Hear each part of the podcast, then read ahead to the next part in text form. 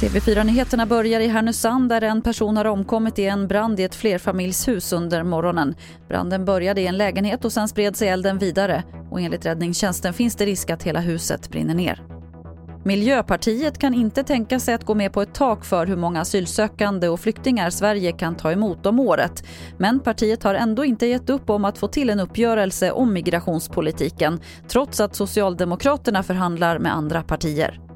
För oss är det viktigt att vi strävar efter att vi ska vara överens och att vi ska också kunna stå upp för en långsiktigt hållbar migrationspolitik som är rättssäker och human och eh, någonting annat kommer inte vi att ställa oss bakom.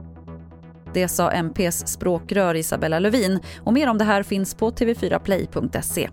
Till sist kan vi berätta att SJ märker av ett ökat tryck på tågresor nu efter att reserestriktionerna ändrats, det rapporterar SR.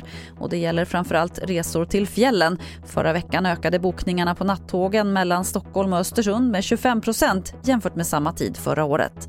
Det var det senaste från TV4 Nyheterna. Jag heter Lotta Wall.